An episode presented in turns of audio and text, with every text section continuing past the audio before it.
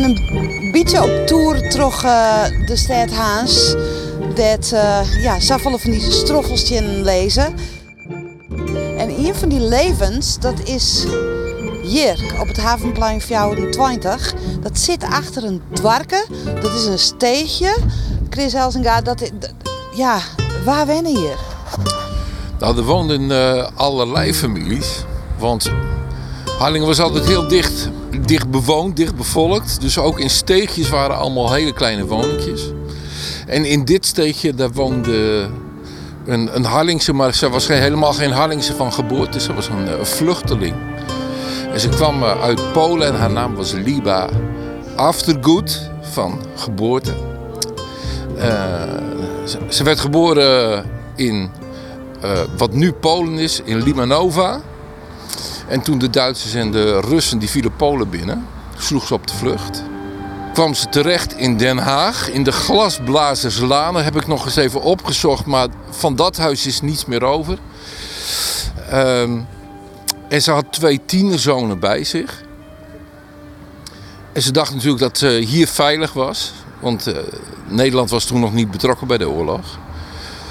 En ze trouwde al heel snel nadat ze in Den Haag was, trouwde ze met een, uh, een Joodse koopman, Mozes Stijl.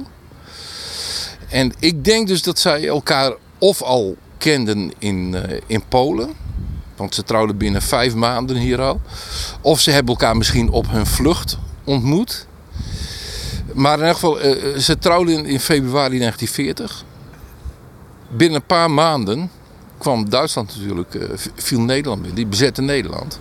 Toen moesten ze weer vluchten. Nadat ze eerst al uit Polen was gevlucht. En zij kwam terecht in Harlingen. Hoe weten we nog niet. Er zijn nog altijd dingen om uit te zoeken. Maar ze belanden hier in een heel armoedig steegje. In een heel armoedig klein uh, ja, kamertje met een uitbouwkeukentje. En er zat nog een piepklein puntdakje op. Daar kon je dan nog onder slapen. Maar het was van... Met twee zonen, die waren een jaar of uh, 14 en 16 toen zij, uh, toen zij hier in Harlingen terechtkwamen. Ja, in 1942, 20 augustus 1942, gaat het eerste transport met Joden uh, Harlingen al uit. En daar is haar jongste zoon bij. Um, maar die jongste zoon, Beryl, die, die wordt al op transport gezet. En dan zit zij hier dus nog met haar oudste zoon. Dat is een kleermaker, Gemja.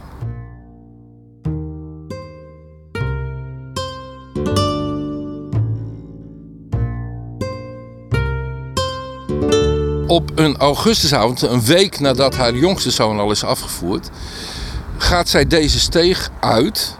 Want ze komt heel weinig buiten. Zoals je zegt, ze spreekt de taal niet, ze kent ook eigenlijk niemand.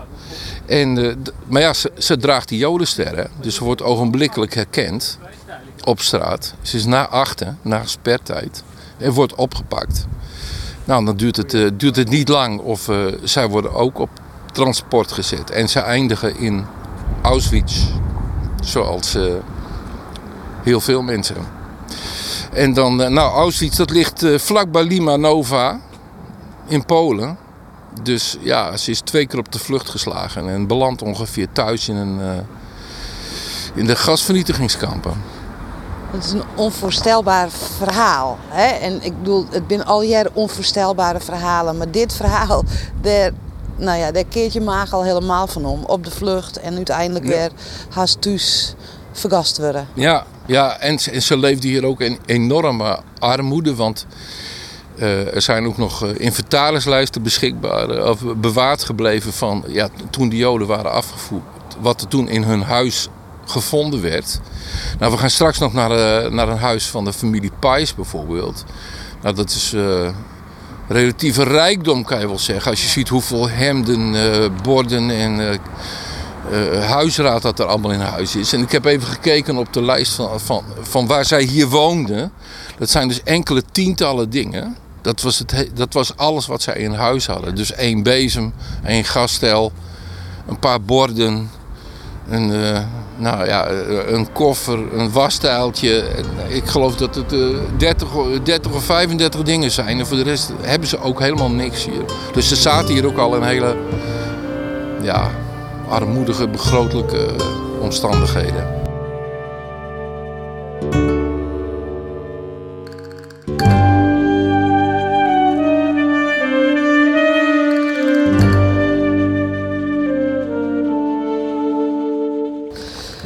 Dat boekje, uh, het lijkt me dat je hem daar nog best wel een soort werk kon hand hebben, Anneke, om dat al hier uit te vinden. Ja, dat, dat, wij, we zijn eerst die actie gestart. Nou, en dat ging geweldig. En toen was het januari 2012. En ik dacht dat Chris zei, want we kregen zoveel informatie. Mensen betaalden uh, nog met een accept girokaart en schreven daarop: Oh, mijn oma woonde naast een Joodse familie. Of mijn tante die moest het uh, op zaterdag uh, het, het theelichtje aandoen. En, en we kregen foto's en we kregen heel veel informatie. Willem heeft heel veel op het internet gezocht. En toen zei jij, dacht ik van, we, we kunnen ook wel een boekje maken. Nou ja, dat is makkelijker gezegd dan gedaan. Maar de, dat is, uh, nou ja, we, we waren met z'n vieren ook, ook een, een, een, geweldig team. En we hebben dat, dat uh, met heel veel uh, plezier, trots gedaan.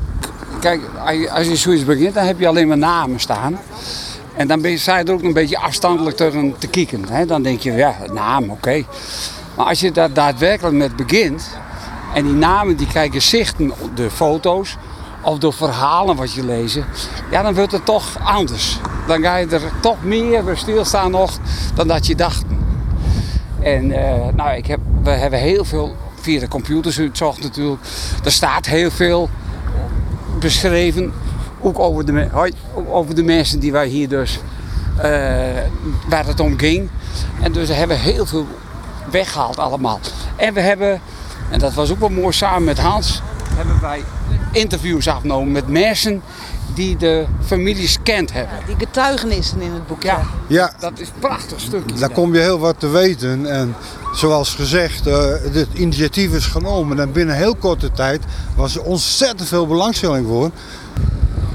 Maar die getuigenissen, want er zitten, uh, ik wil weer heel bijzondere bij, hè, van Ian die dan in een steedje stiet te zijn hoe ja, oren afvierd worden, die woest wordt. Um, ja. Ja. ja het mat toch een gigantische impact op, op die omjouwing hand. Hè? Ja. Ik had tussen de mensen die we interviewen een, een oud collega zitten, Freek Koopmans. En die had ik 25 jaar als collega gehad, een hele rustige man. Maar toen ik hem gevraagd had voor het interview, werd hij nerveus. En toen we uiteindelijk dat interview gingen afnemen, toen was hij zo gespannen. Hij zei, ik heb een paar nachten niet geslapen. Omdat ik al die herinneringen boven wilde halen om te vertellen in de interview. En die heeft het er heel moeilijk mee gehad. Dat vond ik wel bijzonder, want zo, zo kende ik hem 25 jaar lang eigenlijk helemaal niet. Nee, want hij hier zoen dat mensen voort helemaal Ja, en die vriendjes van hem aan de overkant, daar komen we denk ik straks nog wel. Die zijn weggevoerd, jongetjes van 8, 9 jaar, dat waren leeftijdsgenootjes. Dat komt daar wel hard aan, ja. En Sanien, uh, ja, het heeft eigenlijk zijn leven lang ik mee omroen. Ja, en af en toe uh, met de dagen hè, rond 4 mei zeg maar, dan komt er wat boven.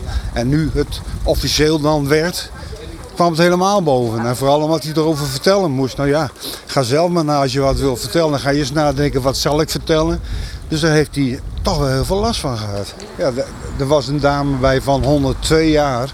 Die inmiddels, tien jaar geleden, dus die is er nu niet meer. Maar die wist zich nog heel veel dingen te herinneren. Van heel dichtbij. En zo hebben we ook de titel uiteindelijk van dat uh, boekje bedacht. Want als het over iemand ging, dan ging het over die, van die, van die, van die. Ja, dat is Harlingen, hè? Ja, dat is Harlingen, ja. ja, we staan hier uh, bij ja, dit wie een groente en fruit en lekkere uh, hapjeszaak van de familie Pijs. Dat twee huizen hier op de kleine brede plaats. Hier woonde de familie Pijs, wat je al zei. En dat was Abraham Pijs en zijn zus Esther. En Salomon, in de volksmond Ampi Pijs. Die hadden hier een groentezaak. En twee huizen verder, daar woonde hun oudste broer Levi met zijn vrouw Adriana. En uh, hier in deze omgeving, uh, daar, daar woonden heel veel Joodse hardlingers. Uh, en die waren heel erg betrokken ook bij de stad. Want de familie Pijs was voor de oorlog ook al... hier was toen ook al lanenkaartsen. En hij stelde prijzen beschikbaar. pinda's en kokosnootpunten. Ja. En, en hierachter hadden zij hun opslag... Valencia, dacht ik. Het pakhuis Valencia verkocht dan ook al sinaasappels. Maar het, het was een hele actieve familie en ook een hele bekende familie in de stad. En ik heb wel eens met iemand gesproken van de Joodse gemeenschap eh, in, eh, in Nederland, eh, meneer Huisman. En die zei, als je de naam Pais hoort in Nederland, dan zeggen ze van, die komen uit Harlingen. En net Ian van al die familie Pijzen het de oorlog oorlibben. Nee, van deze, deze nou dat staat hier ook wel, die zijn allemaal vermoord. eh. alleen als je dan de familie Boas, die haar moeder was ook een Pais. En een van de dochters was getrouwd met een niet-Joodse man van de wijk. En die heeft de oorlog overleefd. Ja, als je hier dan... Ik, ja, ik viel het. Hij hem dat ik? Viel je het van wat, wat je gebeurd is? Ja, ik denk dat. Kijk, ik heb eh, jarenlang in de vereniging Oud-Harlingen gezeten. die dit eh, project samen heeft eh, gedaan met het Centraal Comité. En van, van de vele, vele projecten die Oud-Harlingen heeft gedaan. Is, is dit wel een die ver bovenaan staat. ja, qua impact. Als je wat voor impact heeft het dan op jezelf? Nou, het komt wel heel dichtbij hè, als je die verhalen eh, leest. Want ik heb dat boekje ook eh, geredigeerd en zo. Dus eh, ja, dan lees je dat en probeer het allemaal een beetje begrijpelijk volgorde te zetten. Al die familieverbanden en wat die mensen hebben doorstaan. En dat, ja, dat komt wel binnen. Het was zelfs zo dat mijn vrouw op een gegeven ogenblik zei, nou moesten we het ophouden. Want op een gegeven dan kost een wagonsteuren met de namen en de wagonnummers. Ja, dat, dat, dat gaat door merg en been. Dus eh, dan wordt het heel, wordt het heel intens met het dan. Omdat die mensen zo voor je beginnen te leven. Exact. Mensen waren, dat, dat ik pas ook zei, het was eerst een naam, dat zei niks. Maar dan hoor je allemaal hoe dat allemaal gaan is, hoe ze in de maatschappij stond. Bijvoorbeeld op, eh, op het Havenplein, die was heel op zichzelf. Maar deze stonden midden in de stad Harlingen en iedereen kende de familie. Dus dan, dat is toch anders. Dus dan, dan krijg je steeds meer het gevoel van, ze hoorden echt bij jongens. Je krijgt een beeld en je, je voelt ook dat het goed was in de stad. Dat, dat, dat ze elkaar goed leiden. Die, die Joden werden opgehaald, de datum van, van dat ze weggingen naar Westerbork. En dan schrik je ervan hoe snel ze ook al op transport naar die eh, vernietigingskampen gingen. Soms binnen 14 dagen al. Soms binnen drie Ja, dagen. ja. nou dat, dat vond ik heel. eh Oeh, daar schrok ik heel erg van. Ja, en dan doe je in die archieven en dan vier kaartjes. Van mensen die zie je nog in schreeuwen. ja. Ja, ja. Wie Ian heeft mij iets dit komt niet goed. Ja, dat klopt. En, maar er was ook een, we zien hier veel bekenden. Dat vond Veel ik ook familie. Nog, ja, ja. Dat vond ik ook zo aangrijpend. Ik denk, ja, ja, dat is geen wonder natuurlijk. Maar ja, eh, kijk, wij met de wijsheid van nu snap je, kan je het allemaal plaatsen. Maar, eh, maar zij toen misschien veel minder. Ze hadden geen idee eigenlijk. Nee, nee. En het is inderdaad zo wat je net zei. Kijk, het is net als met de hedendaagse vluchtelingen. Kijk, hoe beter je ze kent, hoe meer het gewone mensen worden. Hoe meer, en, en hoe moeilijker het wordt om, om ze als groep eh, iets aan te doen of om ze als groep weg te zetten. En dat heb je het wordt heel persoonlijk op het laatst.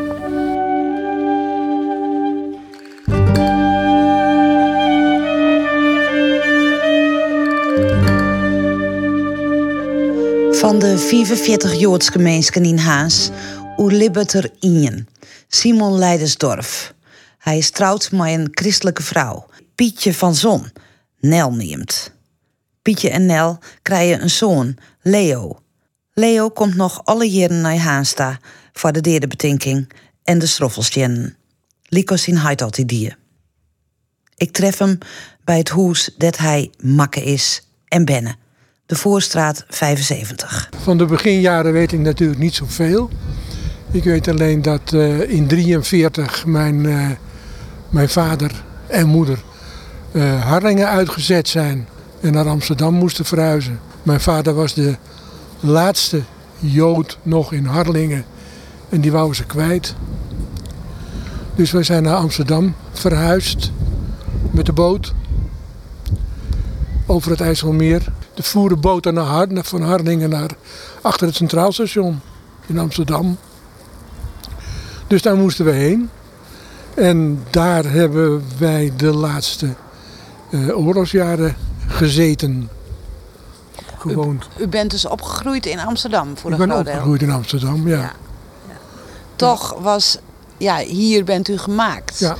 En eh, u zegt het is een vreemde geschiedenis. Hè, we kunnen ook aan de stroffelstien, zoals Ja. dat op zijn Fries eh, klinkt, lezen dat Simon de enige overlevende Ja. is.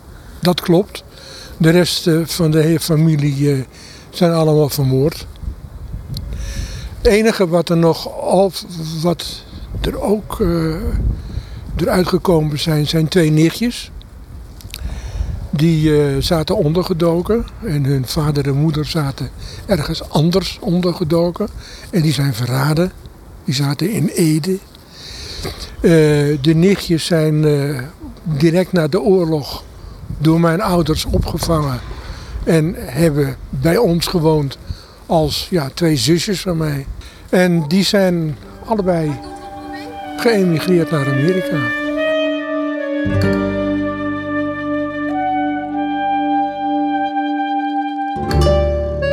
Mijn moeder heeft eh, dingen gedaan waar ze nooit over heeft gesproken. En eh, ik weet wel dat zij naar Friesland geweest is een paar keer om eten te halen. Maar ze heeft eh, onder andere die twee nichtjes ehm, verhuisd. stiekem verzorgd dat ze weer ergens ondergedoken konden komen. En dat heeft ze met meerdere gedaan. En ik, volgens mij heeft ze eh, verzets, nou, verzetswerk wil ik, weet ik niet. Maar toch, eh, eh, ze heeft niet stilgezeten. Zij zat dus eigenlijk in het verzet. Ja, dat, ik, maar in hoeverre weet ik niet. Het- Er is ook eens gemompeld dat ze eh, iets te maken had met de verzetsgroep Trouw. Maar ik, ik twijfel, ik weet het niet. Nee. Ze heeft er nooit over gesproken. Ze hebben nooit. En uw vader, heeft hij erover gesproken? Nee. Nee, in de oorlog was ik te klein. Na de oorlog was het meteen, eh, de oorlog is afgelopen. Kom, we gaan verder en we praten nergens meer over. Maar ik weet dat mijn vader het natuurlijk vreselijk moeilijk gehad heeft. Dat was eh, traumatisch voor hem. Want de geschiedenis eh, van uw vader lag in Harlingen. Ja. Hij was een echte Harlinger. Ja, absoluut. Hier geboren. En gefreewield hier. Na zijn schooltijd. Toen door opa eh, aan het werk gezet. Maar hij kwam nog altijd hier. Hij ging elk jaar in ieder geval hier naartoe. Op eh, 4 mei. met mijn moeder.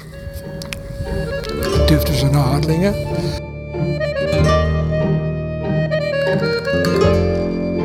Was dit een juwelierszaak? Ja. Ja, dit was de juwelierszaak die, eh, van mijn opa. En eh woonden daarboven.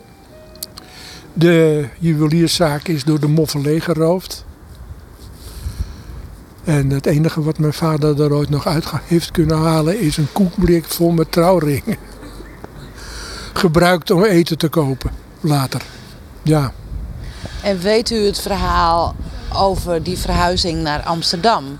Want zij, zij moesten weg Ja. op last van de Duitsers. Hebben ze daarover verteld? Eh, nee. Nee, ze hebben er niks gezegd. En ik was eh latere leeftijd denk je, ja, ik had daarna moeten vragen. En toch ze een beetje dwingen om dat eh, eh, verhaal te vertellen. Maar dat hebben ze, heb, ik, heb ik helaas nooit gedaan. En ik weet ook niet of zij dat apprecieerden. Ja. Ja, mijn vader heeft eh, die tijd toch doorgeworsteld. Mijn vader is twee keer opgepakt. Klaar met een rugzakje, klaar om weer afgevoerd te worden. En mijn moeder, heldin als ze is, heeft hem teruggehaald. Heeft u daar iets over gehoord? Want dat is natuurlijk heel bijzonder dat ja, dat gelukt is. ook is. heel bijzonder. En dat heeft ze wel eens verteld. Daar, eh, eh, onder andere dat daar... eh, wij woonden in Amsterdam-Zuid. vlakbij de, de Wolkenkrabber. Daar was een groot grasveld. Perk. En daar werd iedereen gedropt. En mijn moeder is daar heen gestapt. En heeft tegen ja, de twee Duitse officieren en een vrouwelijke Duitse officier, vrouw Slotke, een bekende naam. Een beruchte naam, laat ik het zo zeggen. En eh, eh, heeft het verhaal verteld en eh, van de gemengd gehuwd enzovoort.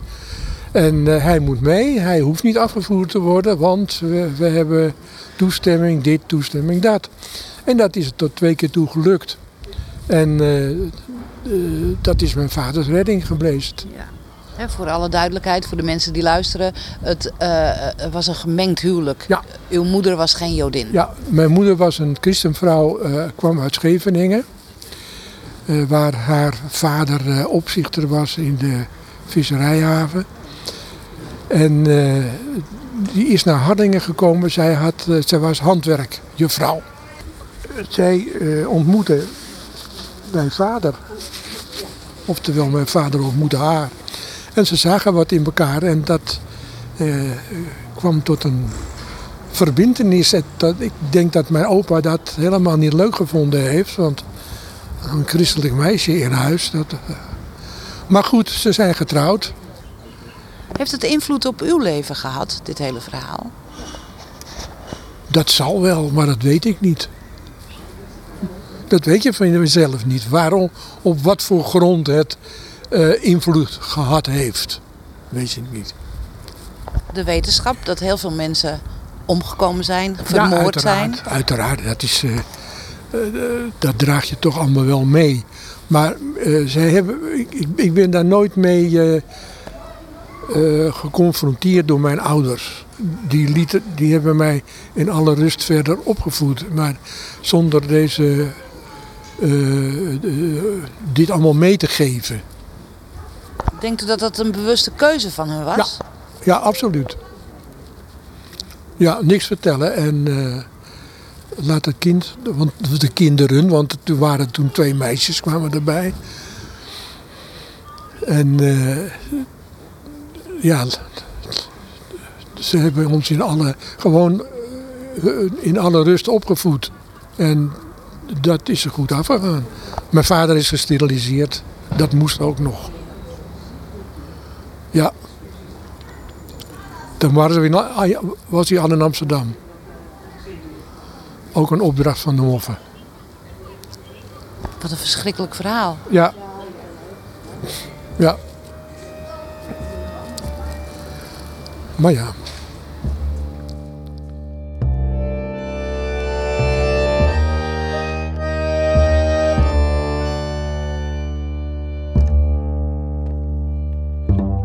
Vindt u het van grote betekenis dat die struikelstenen er liggen? Ja, ja, absoluut. Ik vind het een geweldig initiatief. Idee. Ja, Ja? prachtig. Ja. Want eh, eh, wat betekent dat dan voor u? ja, dat de herinnering blijft. Dat je toch eigenlijk, dat men eh, even bukt en kijkt wat daarop staat. En zich realiseert wat er gebeurd is. Het verhaal van Leo Leidersdorf, Oesien Heitemem, Simon en Nel. We rennen weer verder naar de grote ossenmarkt Zechtjen, de familie Boas. En zo rennen we van de kleine brede plaats richting de grote ossenmarkt. Ja, op de grote ossenmarkt onder de reek van de Viewer Tour. Ehm, Gabriel en eh, Dina en Jozef. Eh, hoe oud wie Jozef? Jozef is geboren in 22, dus dat was de zoon. Ja, die 21, Ja. 20 hier. Ja. Ja. Boas werkte in de haven, was een havenarbeider. En ehm, zijn vrouw was weer een pais. En eh, een zus van, van, de, van de groenteboer, van die familie. Dat was allemaal familie van elkaar. En ik dacht dat Jozef ook heel goed kon leren. Die ging eh, in Leeuwarden naar de HBS. In de Leeuwarden kranten zie je nog dat hij oergong van de tredde naar de vierde klasse. Ja, ja, ja, ja. Ja, dat soort dingen heeft Chris allemaal uitgezocht hoor. En, eh, ja. en, en, en we hebben natuurlijk advertenties gevonden. Dat ze zoveel jaar getrouwd waren, 25 jaar. En, en feest hadden. En, en hier op de Grote Ossenmarkt ook eh, liepen met de familie. Ja. Dus, eh, en hun kleindochter is kort geleden overleden. Maar die wonen nog allemaal in Harlingen. Dus dat is, dat is toch ook wel weer bijzonder. eh. maar dat komt ook omdat die opa van der Wijk geen, eh, geen Joodse man was. Daardoor hebben zij de oorlog eh, kunnen overleven. Arjen Miedema, eh, ja, du bist nabestaande. Eh, het blijft apart om eh, nou, hier voor eh, het huis te staan waar eh, de, de oma en eh, de eh, opa en eh, een oom zeggen, zeg maar, van mijn moeder gewoond hebben. En die ja, in 42 en 43 natuurlijk zijn omgekomen in een concentratiekamp. Wat voor invloed hier bijvoorbeeld op die mem, dat hele verhaal? Ja, dat is een. eh, ehm, eigenlijk hebben we daar nooit hoogte van gekregen wat voor invloed dat gehad heeft. Eh, ik weet wel dat mijn opa en oma, zeg maar, eh, mijn oma was een Jodin, die heeft de oorlog overleefd. Omdat hij eh, getrouwd was met een niet-Jood. Daar werd er nooit over gesproken. En bij mijn moeder, ja, die had natuurlijk een vreselijke hekel aan die Duitsers. Ehm, maar ook thuis werd daar niet of nauwelijks over gesproken. Pas toen mijn opa overleed, en toen was hij 88, toen heeft hij het, een fotoalbum overgedragen naar mijn moeder. Met daar alle familieleden, de Paizen en de Boa's hier in Harlingen. En toen begon het verhaal een beetje te leven. Maar nu mijn moeder overleden is een paar weken terug, ja, ben ik nu in, in bezit van het album gekomen. Ja, en dan maakt het eh, ja, toch wat specialer om hier nu zo te staan. Ja. Maar er waard net hoe praat. Absoluut niet. Nee, niet een woord. Pas later, toen mijn moeder eh, nou, wat, wat minder werd, zeg maar, eigenlijk met de stroffelstenen in 2012, meende ik, of 2010. Toen begon ze er wat over te vertellen. Toen heeft ze de foto's wel laten zien, had ze nog zo'n jodenster. Maar dat was ook het enige wat, eh, wat, eh, ja, wat ze erover vertelde. Ja, want het moet natuurlijk een heel soort invloed aan hebben. Want een heel groot pad van de familie weer er net meer. Nee, nou zeg maar, de hele familie was er niet meer. Dus ja, maar wat voor impact dat gehad heeft op mijn moeder, ja, kan ik alleen maar eh, raden nu je de foto's ziet en voor ze het huis staat. Dan denk je, ja, dat moet een enorme impact gehad hebben. Dat kan niet anders. Dat was de enige van de familie Boas die het overleefd heeft, dat klopt. Ja, Wow. Ja, dat is nogal wat. ja, dat, is, ja dat is zeker nogal wat, ja. Ja. Maar ook daarin zie je dat eh, nou, wij als, als eh, kleinkinderen ehm, eh, ja, kennis maakten met kennissen, wat voor hun dan weer familie was. Dus zo hadden we, ja, even kijken, ome Jaap en tante Stella uit Rotterdam. Daar zeiden we ome Jaap en tante Stella tegen. eh ome Leo en eh, tante Henny uit eh, Egmond aan Zee. Ja, zeiden wij oom en tante tegen. Maar dat bleken dus eigenlijk nou, lotgenoten te zijn. Die elkaar dan op een bepaalde manier ontmoet hebben. En plotseling was dat dan zeg maar een soort familie. Ja, zo ging dat. Ja. Maar die oma heeft het dus ik nooit hoe verteld. Nou, niet, nee, niet dat ik, niet dat ik weet. Nee. Ook niet, niet naar, in ieder geval niet naar mijn zus en, en, en ikzelf. En ja, mijn moeder en, en, en mijn moeder ook nooit. Mijn moeder zei ook, daar werd niet over gesproken. Dat Nee. was gewoon, ja, dat, dat, dat is compleet weggestopt. Dat, dat hele, ja, hele verlies. Want ja, hoe deze mensen, eh waar dan ik net echt praat, of wel? Ja, er werd wel over gesproken. Hè, van, eh, nou, ze zijn omgekomen in de Tweede Wereldoorlog, dat dan nog wel. En als er dan iets was eh, met een bevrijding of zo, dan vertelde mijn moeder daar wel ietsje over. Maar heel sumier. Wel, nou, de Joodse familie weggevoerd en Auschwitz, bla bla bla.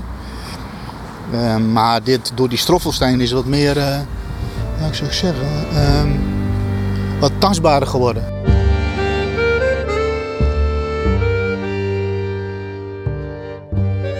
Dus de vader en moeder van mijn oma plus haar broer, die hebben hun in die trein zien stappen hier naar Harlingen die hun naar Westerbork bracht. En daar zijn ook nog mensen die hebben inderdaad eh, nou, voedselpakketten eh, die nog in die trein gegooid, met die trein meegelopen. Omdat mensen dachten dat ze naar een soort werkkamp gingen. ehm, om daar te werk gesteld te worden. Nou, niets was minder waar. Volgens mij waren de vader en de moeder, dus Gabriel en eh, Dina, die waren binnen een week eh, vergast. En Jozef heeft volgens mij nog een maandje of negen geleefd. En die is omkomen in een ander eh, eh, eh, kamp, Otmoed, geloof ik. Eh, en niet in Auschwitz. Dus die had het nog ietsje lang, langer volgehouden, maar die was ook een jaar of twintig, meen ik. Ja. Dus die was jonger. Dus ja, dat is het. Hè, zo, zo gingen mensen eh, eh, ja, op, op pad om naar een ja, soort werkkamp te gaan. Ja, zo, zo, Heeft u de indruk dat het, dat het in, in de familie dan, nou ja, in elk geval bij die mem en, en bij oma, dat, dat dat het is? Van nou, het is geweest, we willen er niet meer aan denken, we willen het er niet meer over hebben? Ja. ja, die conclusie moet ik uiteindelijk wel trekken. En dan vies die fotoboeken, of die, hè, de wist het wel dat hij er wien. Nou, ik heb dat fotoboek ook even trofest. Ja. ja, dat is fantastisch, dat is prachtig, maar tot bijna zeer om te zien. Ja, tuurlijk. Absoluut, als je ziet wat daar eh, aan, aan familie staat en hoe ze ook op de foto staat. In de wetenschap dat ze, weet ik veel, een jaar later of twee jaar later eh, allemaal vergast zijn. Ja, dan denk je zo'n hele, hele gemeenschap, zeg maar. Hè? Ik meen 45 man hier in Harlingen. Ja, die komen dan gewoon niet terug. Dat is, ja, dat, dat is ja, denk ik voor die betroffen mensen die over zijn gebleven. Ja, dat is vreselijk. Eh, en, dat, en dat maakt het tastbaar. Hè? Als je die foto's zien, ja, hoe, hè, hoe ze daarop staan. En, eh, en niet in de wetenschap, hè? die vrolijkheid. Van nou, over twee, drie jaar eh, zitten we in een, in, in een ander kamp en dan worden we vergast. Hè? Ja, dat is apart.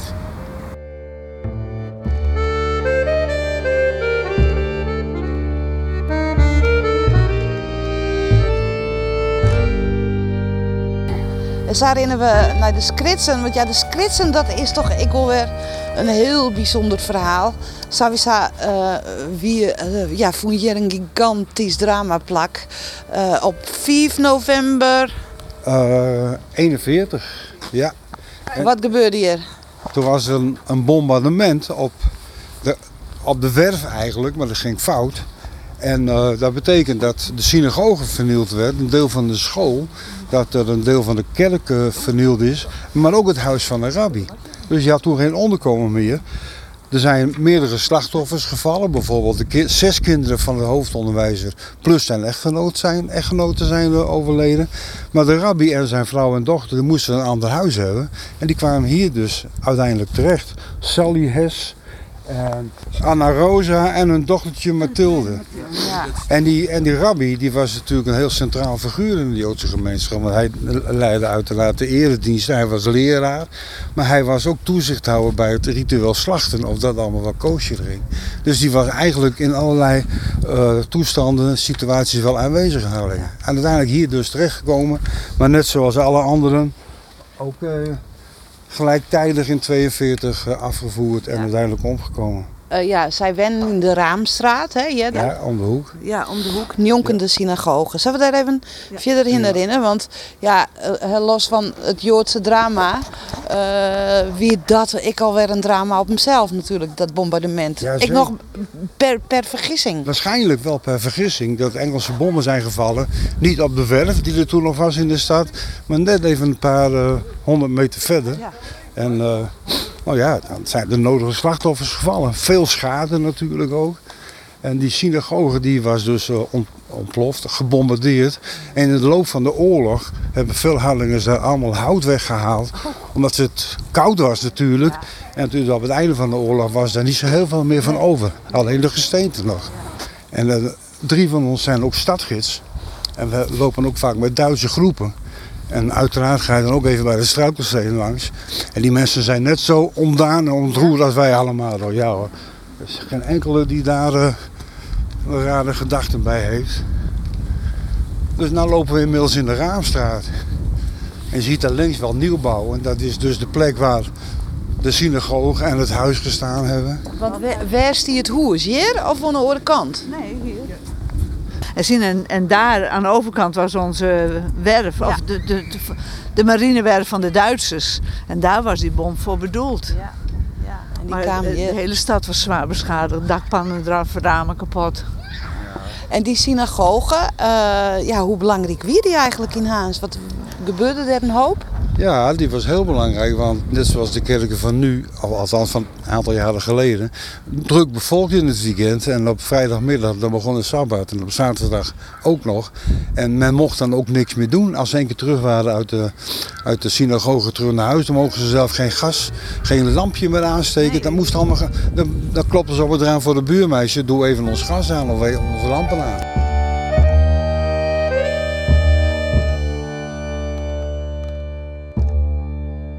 Dit is eigenlijk het enige wat nog onder de synagoge herinnert. Nou, is Ja. voor. Mogen hun zielen gebundeld worden in de bundel van het eeuwige leven.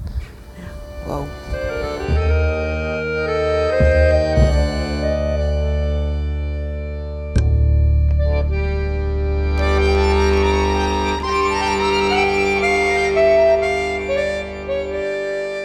We rennen nou hoe de, de Heilige Weg. Eh, ik hier ben twee families deporteerd, hebben de oorlog net hoe libben. De familie Speyer en de orenfamilie is eh, de familie De Vries. En dat binnen eh, Aaron en Grietje en haar een ben Clara en Benjamin. Dit is de Heilige Weg nummer 28. En Skeendetje Hoer wennen de familie Speyer. Ehm, en die hier een kleinzaak, toch? Ja, textielzaak, herenkleding, zoals je ziet aan de affiche daarboven. Dit was de vader van Michiel Speijer die hier toen woonde. Met zijn vrouw en twee zoontjes. En die, en die familie Speijer die hier woonde, die hadden twee zonen met heel veel speelgoed en fietsjes. En aan de overkant hier, waar nu de pizzeria is, daar woonde de familie Koopmans. Met negen kinderen, zes dochters en drie zonen. En de jongste van die zonen, wat ik zo straks al vertelde, was Freek Koopman. Freekje, dat was een speelkameraadje van deze jongens. En op de dag, de avond voordat zij afgevoerd werden, zijn die ouders met fietsjes en speelgoed naar de overkant gegaan. En die hebben gezegd, bewaar het eerst even. En als wij over een half jaar niet terugkrijgen, niet terug, niet terug zijn, sorry, dan mag Freek, Freekie, die mag dit dan wel mee gaan spelen. Nou, het is bekend dat iedereen, dat er niemand meer is teruggekomen. Dus Freek heeft inderdaad heel emotioneel toen verteld in dat interview dat hij die fietsjes en het speelgoed daar afgeracht heeft, bij wijze van spreken. En zoals ik al zei, het was een, eh, hele rustige man. Toen opeens heel nerveus en eh, emotioneel. want Al die herinneringen kwamen weer boven. Maar, maar dat de Joden ook met, met een stand moesten lopen en zo, dat deed die kinderen helemaal niks. Dat zei hun niks. En een van de anderen heeft ook verteld nou, dat ze op bepaalde plaatsen moesten de Joden met één voet op een stoelbrand en met de andere voet in de, in de goot moesten die zo lopen. En daar maakten zij een spelletje van. Dat deden zij toen ook zo. Maar dat was dan blijkbaar om te laten zien dat dat Joden waren, dat het zo moest. Ja, dat zijn trieste dingen. Nog even over Celly, want dat wie zien, eh hè, Michiel, wie Celly. Ja. Celly of Gelly of Celly. Celly. Ehm, want dat verhaal dat hij oppakt waar, dat wie vanwege het keepje van een flessen molken. Ja, dat mocht, die had hij inderdaad gekocht. En dat mocht niet, want ze mochten dat niet kopen. En op die manier is hij opgepakt en heeft hij daar gedonder mee gelegen. Maar het had iets met, eh, met Jongman te maken, maar dat weet een van de anderen misschien meer van. Daar had hij het van eh, gekocht volgens mij. Ja. Ja, Jonk, eh, Jonkman op Schritsen, de harmonie. Waar ook eh, trouwens in de oorlog nog onderduikers eh, op zolder eh, zaten. Maar volgens mij is het, is het verhaal gewoon, die, de Duitsers die vonden altijd wel een aanleiding. Hè. Op het havenplein waar we begonnen, ze- ja, zij, li- zij liep buiten. Nou ja, je kunt, je kunt de andere kant uit kijken of je kunt haar oppakken. En, en bij hem was het, was het melk. Maar er was altijd wel een reden. En het, en het is dus ontzettend snel gegaan. Want ik geloof dat dat eerste transport, er zaten al een stuk of twintig. Ja. eh, volgens mij precies 20, nou, ik weet niet precies. Maar er waren, het waren 45 personen in totaal. De Joodse gemeenschap toen Ja. in Harlingen. Die begon met Maar bij 100. de eerste waterheld al. was de helft al eh, Ja. op, de, op de eerste dag dat het begon. En wat Was, zal dat dan ik een angst teweeggebracht hebben bij de rest? Als er in één keer zo'n groep ophelpen wordt. Nou ja, angst, je, je mist je kostwinner. Je weet niet wat er met hun gebeurt. Je weet niet of jij de volgende bent. En ondertussen worden die maatregelen die worden steeds verder aangescherpt. hè. Je mocht niet meer dit. En eh, volgende week was er weer een andere aankondiging. Mocht je niet meer in het park komen. En daarna was er weer dat. Dus je, je, werd, je werd steeds verder in het nauw gedreven. Je werd fijn gedrukt eh, volgens mij uiteindelijk. Ja. Nou we ja, moeten het eigenlijk nog even hebben over het begin van het hele project. Dat was in Duitsland dus, door de Duitse kunstenaar Gunther Demnig. Die man die was zelf van na de oorlog, maar zijn ouders waren nazi's. En hij had het idee, ik moet wat goed doen. Een soort wiedergoedmachung. En toen heeft hij dit project gestart. En die is verdeeld, 26 landen noem jij zo straks. Ja, dat- dat en, was, en eh, het zijn meer dan dat 100.000 stenen ondertussen nog. wel. Maar hij is hier zelf ook geweest. Dat deed hij consequent. Hè. Bij alle eh, eh, projecten ging hij bij langs. Niet alles heeft hij gedaan, alleen 's ochtends een aantal. En nou ja, op die manier is het als we dat aan de Duitse gasten vertellen, altijd wel een beetje apart dat je dan aankomt met een Duitse kunstenaar die dat bedacht heeft. Dus hij, Ze hij is zijn iemand die, die, die plant dus ook zijn trips. Hè? Want hij kan niet vandaag hier Nee. en o- over twee dagen in Tsjechië. Dus wij moesten ook nog wachten. Dus hè, als je ziet hoe snel het is gegaan, wij moesten ook nog ingepast worden in een, In een route. Eh, dus daar is het uite- uiteindelijk omheen gebouwd, om de datum dat hij kon. Het probleem was toen nog, het klinkt misschien raar, dat er echt mensen dachten dat ze naar een werkkamp gingen en dat ze weer terugkwamen. En dat dachten ze zelf, maar dat dacht de gemeenschap ook wel. Er waren wel andere berichten ook, maar die werden wel een beetje, ja, dat valt wel wat met en dat zo. Dus het was natuurlijk, men vond het wel erg, maar ze hadden niet gedacht dat ze nooit weer terugkwamen.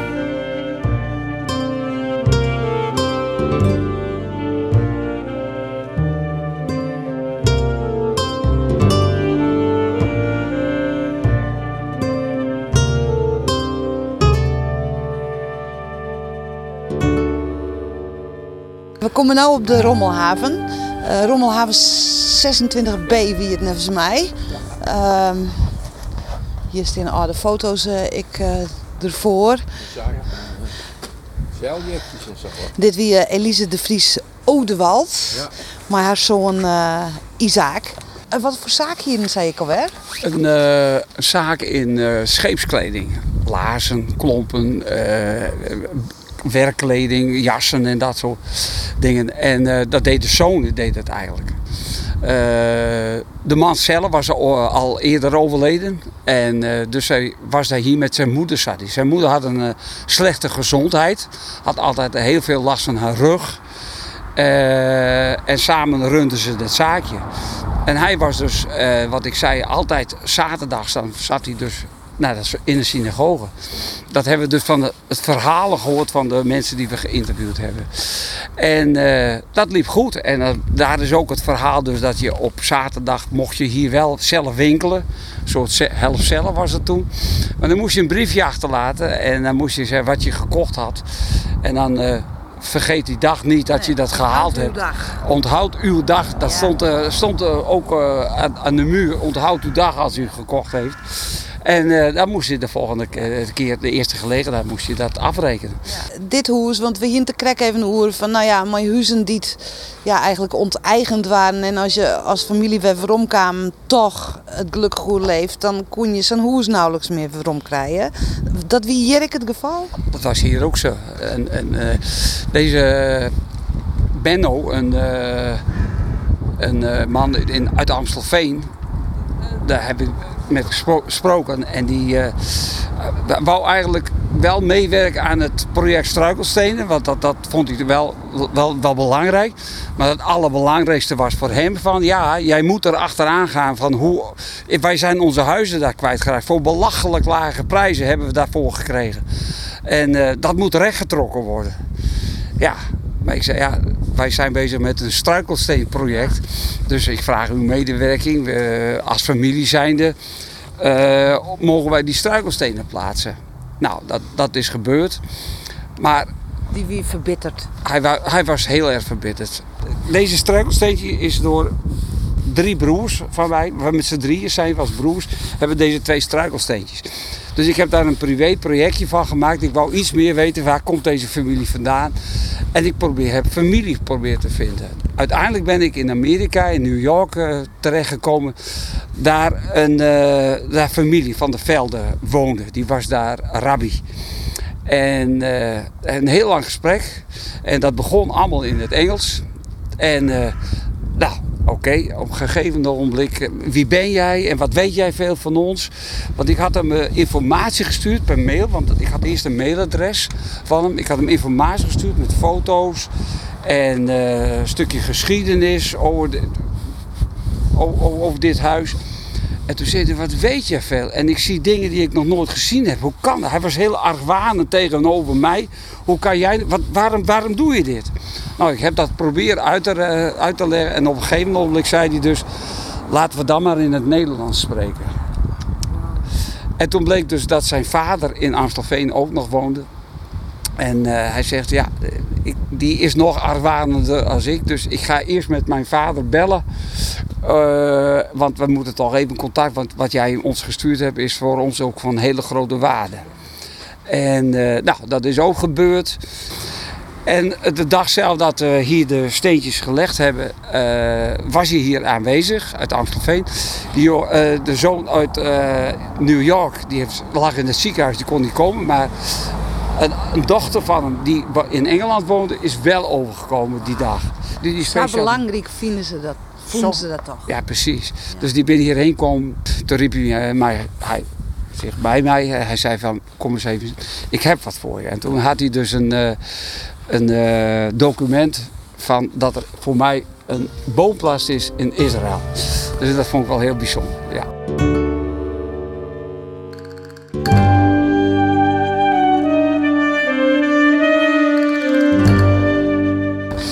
Zien er nou wat zuterig uit misschien. Maar ze worden elk jaar worden ze poetst voor 4 mei ze helemaal glimmend. Dan leggen we op knietjes ervoor. Ja, het kussentje met. Het kussentje met voor de, voor de knibbels. En dan eh, met eh Brasso koperpoets poetsen.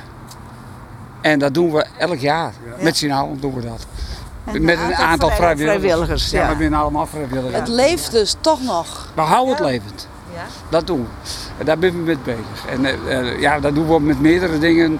Zoals ook de, de oorlogswandeling voor, voor schoolkinderen. Die houden we er gewoon in. Dat, het, het is niet allemaal zomaar van... eh, het, het, is, het gaat allemaal goed. We moeten ook even weten dat het heel snel verkeer gaan kan. En de voorbeelden hoeven het nou niet zo ver te gaan. dan Hier naar Oekraïne. Dan, dan, dat, is, dat is verschrikkelijk natuurlijk.